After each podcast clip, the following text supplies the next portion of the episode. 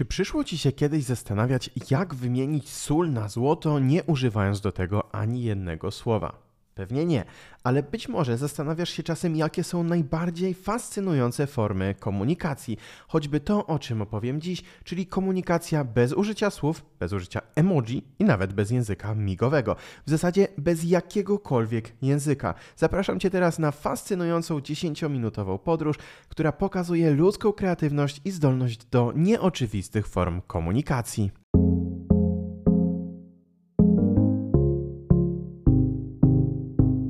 Cześć językowa siłaczko, cześć językowy siłaczu. Z tej strony mikrofonu Patryk Topoliński. Wierzę, że nauka języków może być przyjemnością, a to jest podcast Językowa Siłka, w którym wspólnie odkrywamy radość z nauki języków i udowadniamy, że żaden język nie jest obcy.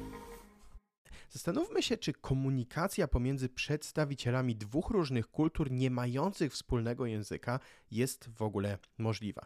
I pierwsza odpowiedź, która nam przychodzi na myśl, to oczywiście, że tak. No przecież można rozmawiać za pomocą translatora, e, można rozmawiać za pomocą wielu różnych innych e, sposobów, które można w, ten, w, tym, w tym celu mm, włączyć do, do tej komunikacji.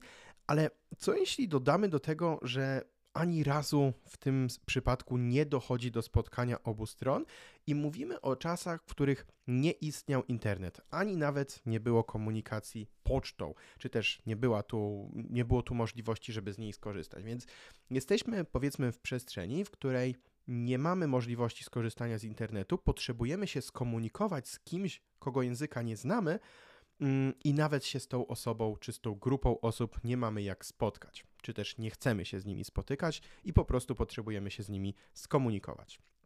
Za chwilę opowiem o co tutaj chodzi, e, dlatego że w dzisiejszym odcinku chciałbym opowiedzieć odrobinę o zjawisku opisywanym przez Ryszarda Kapuścińskiego w książce Heban jako handel niemy.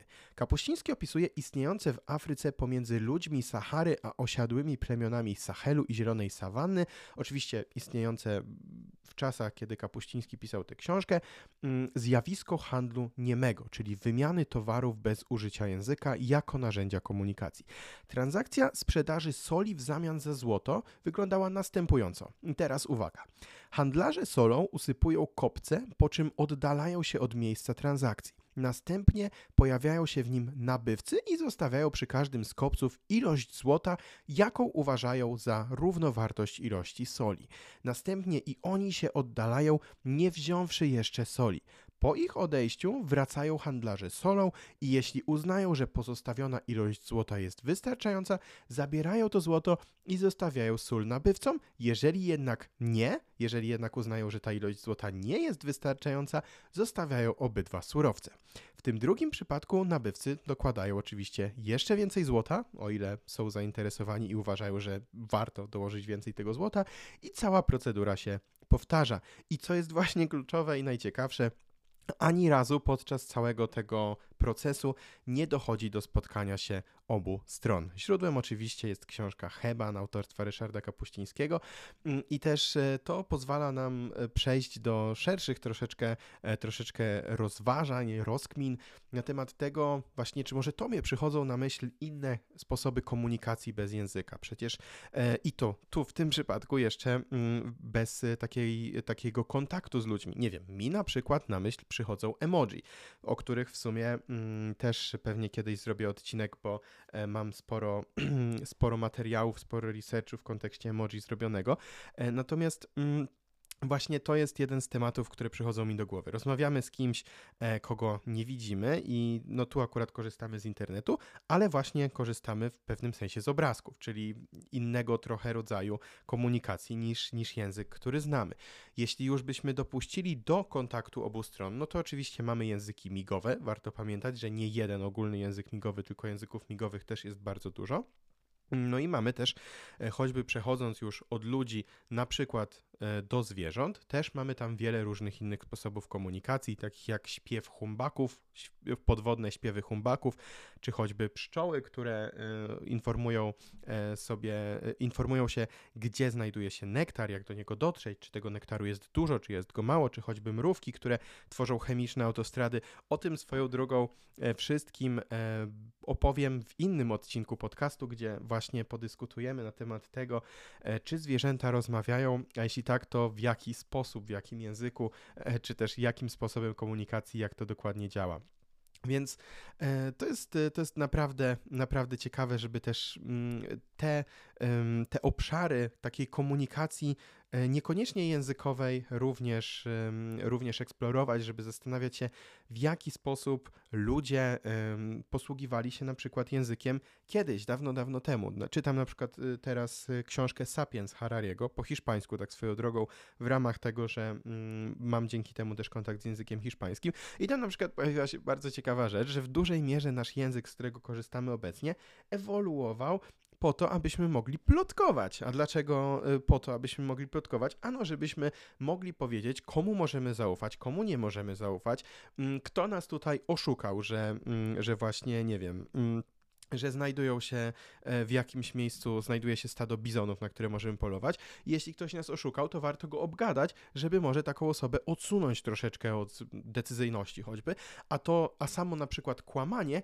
nie jest niczym, e, nie jest niczym, po prostu nie jest niczym wyjątkowym, na przykład w, w świecie zwierząt. Zwierzęta też kłamią, czy to ptaki, czy, czy szympansy na przykład kłamią na zasadzie, że uwaga lew, nie? Mają okrzyk powiedzmy, który oznacza uwaga lew i wszyscy uciekają, tylko szympan kłamczuszek sobie e, może nadal e, konsumować posiłek i to bez dzielenia się ze wszystkimi innymi, no bo e, właśnie dzięki temu po prostu, mm, po prostu, że okłamał innych, no w pewnym sensie e, ma z tego jakieś profity, więc mm, to akurat nie jest nic, czego w świecie zwierząt nie znamy, mm, ale właśnie te plotki na temat tego, kto, jak, gdzie i kiedy i z kim i o czym i w ogóle co tam się dzieje w społeczności, to było bardzo ważne. I to pozwoliło też, też ludziom się dalej rozwijać, może dlatego tak wszyscy lubimy historię i plotki, nawet w dużej mierze na pewno dlatego.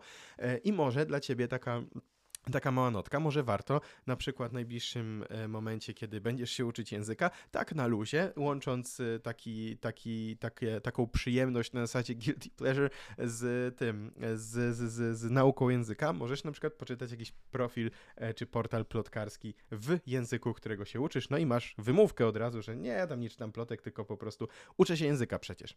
A kto wie, może tak naprawdę będzie to dla ciebie bardzo przydatne, no bo przecież język tam będzie mm, bardzo taki życiowy i i, e, i generalnie no, bardzo przydatny siłą rzeczy w kwestiach codzienności. Także myślę, że warto podkreślić, jak różnorodne i kreatywne mogą być sposoby komunikacji, zarówno e, wśród ludzi, czy też wśród różnych, różnych społeczności, tak jak rozmawialiśmy choćby choćby ostatnio o języku Guarani, o tym, jak tam wygląda system liczenia. E, zachęcam też do tego, żeby wrócić do tego odcinka, żeby wrócić do innych odcinków też, nie tylko tych ciekawostkowych, e, takich jak na przykład o tym, jak Koreańczycy liczą wiek, czy dlaczego Włochy to Włochy, czy na przykład właśnie język Guarani, czyli rdzenny język Paragwaju, który przetrwał, ale też do innych odcinków na temat metod nauki języków i tych krótszych, gdzie zazwyczaj jest jedna mała metoda, jedno narzędzie do tego, żeby od razu skorzystać w nauce E, i wdrożyć, ale też do tych odcinków dłuższych, gdzie nieco meandrujemy pomiędzy tematami mm, i rozprawiamy o tym, jak tych języków uczyć się skutecznie i tak, aby odkrywać z tego wszystkiego radość. Ok, to tyle na dziś. E, bardzo Ci dziękuję za wysłuchanie tego odcinka. Jeśli e, podoba Ci się podcast Językowa Siłka, chcesz być z nim na bieżąco, zachęcam do tego, żeby zaobserwować, zasubskrybować ten podcast w dowolnej platformie, gdzie tego słuchasz mm, i też tak naprawdę zachęcam do tego, żeby zaobserwować choćby Językową Siłkę na Instagramie Małpa Językowa Silka, gdzie regularnie pojawiają się kulisy mojej nauki języków, kulisy też naszej pracy w językowej siłce, różne też inne ciekawostki językowe, karuzele, rolki.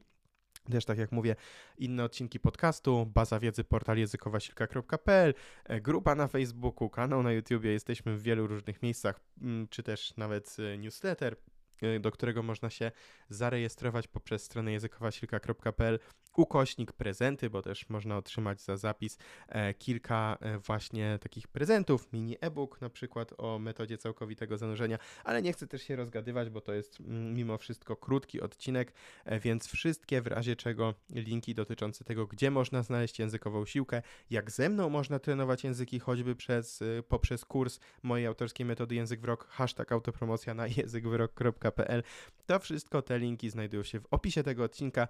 Tymczasem bardzo serdecznie dziękuję Ci już za dziś. Niech moc językowej siłki będzie z Tobą. Słyszymy się w następnym odcinku. Trzymaj się. Do usłyszenia.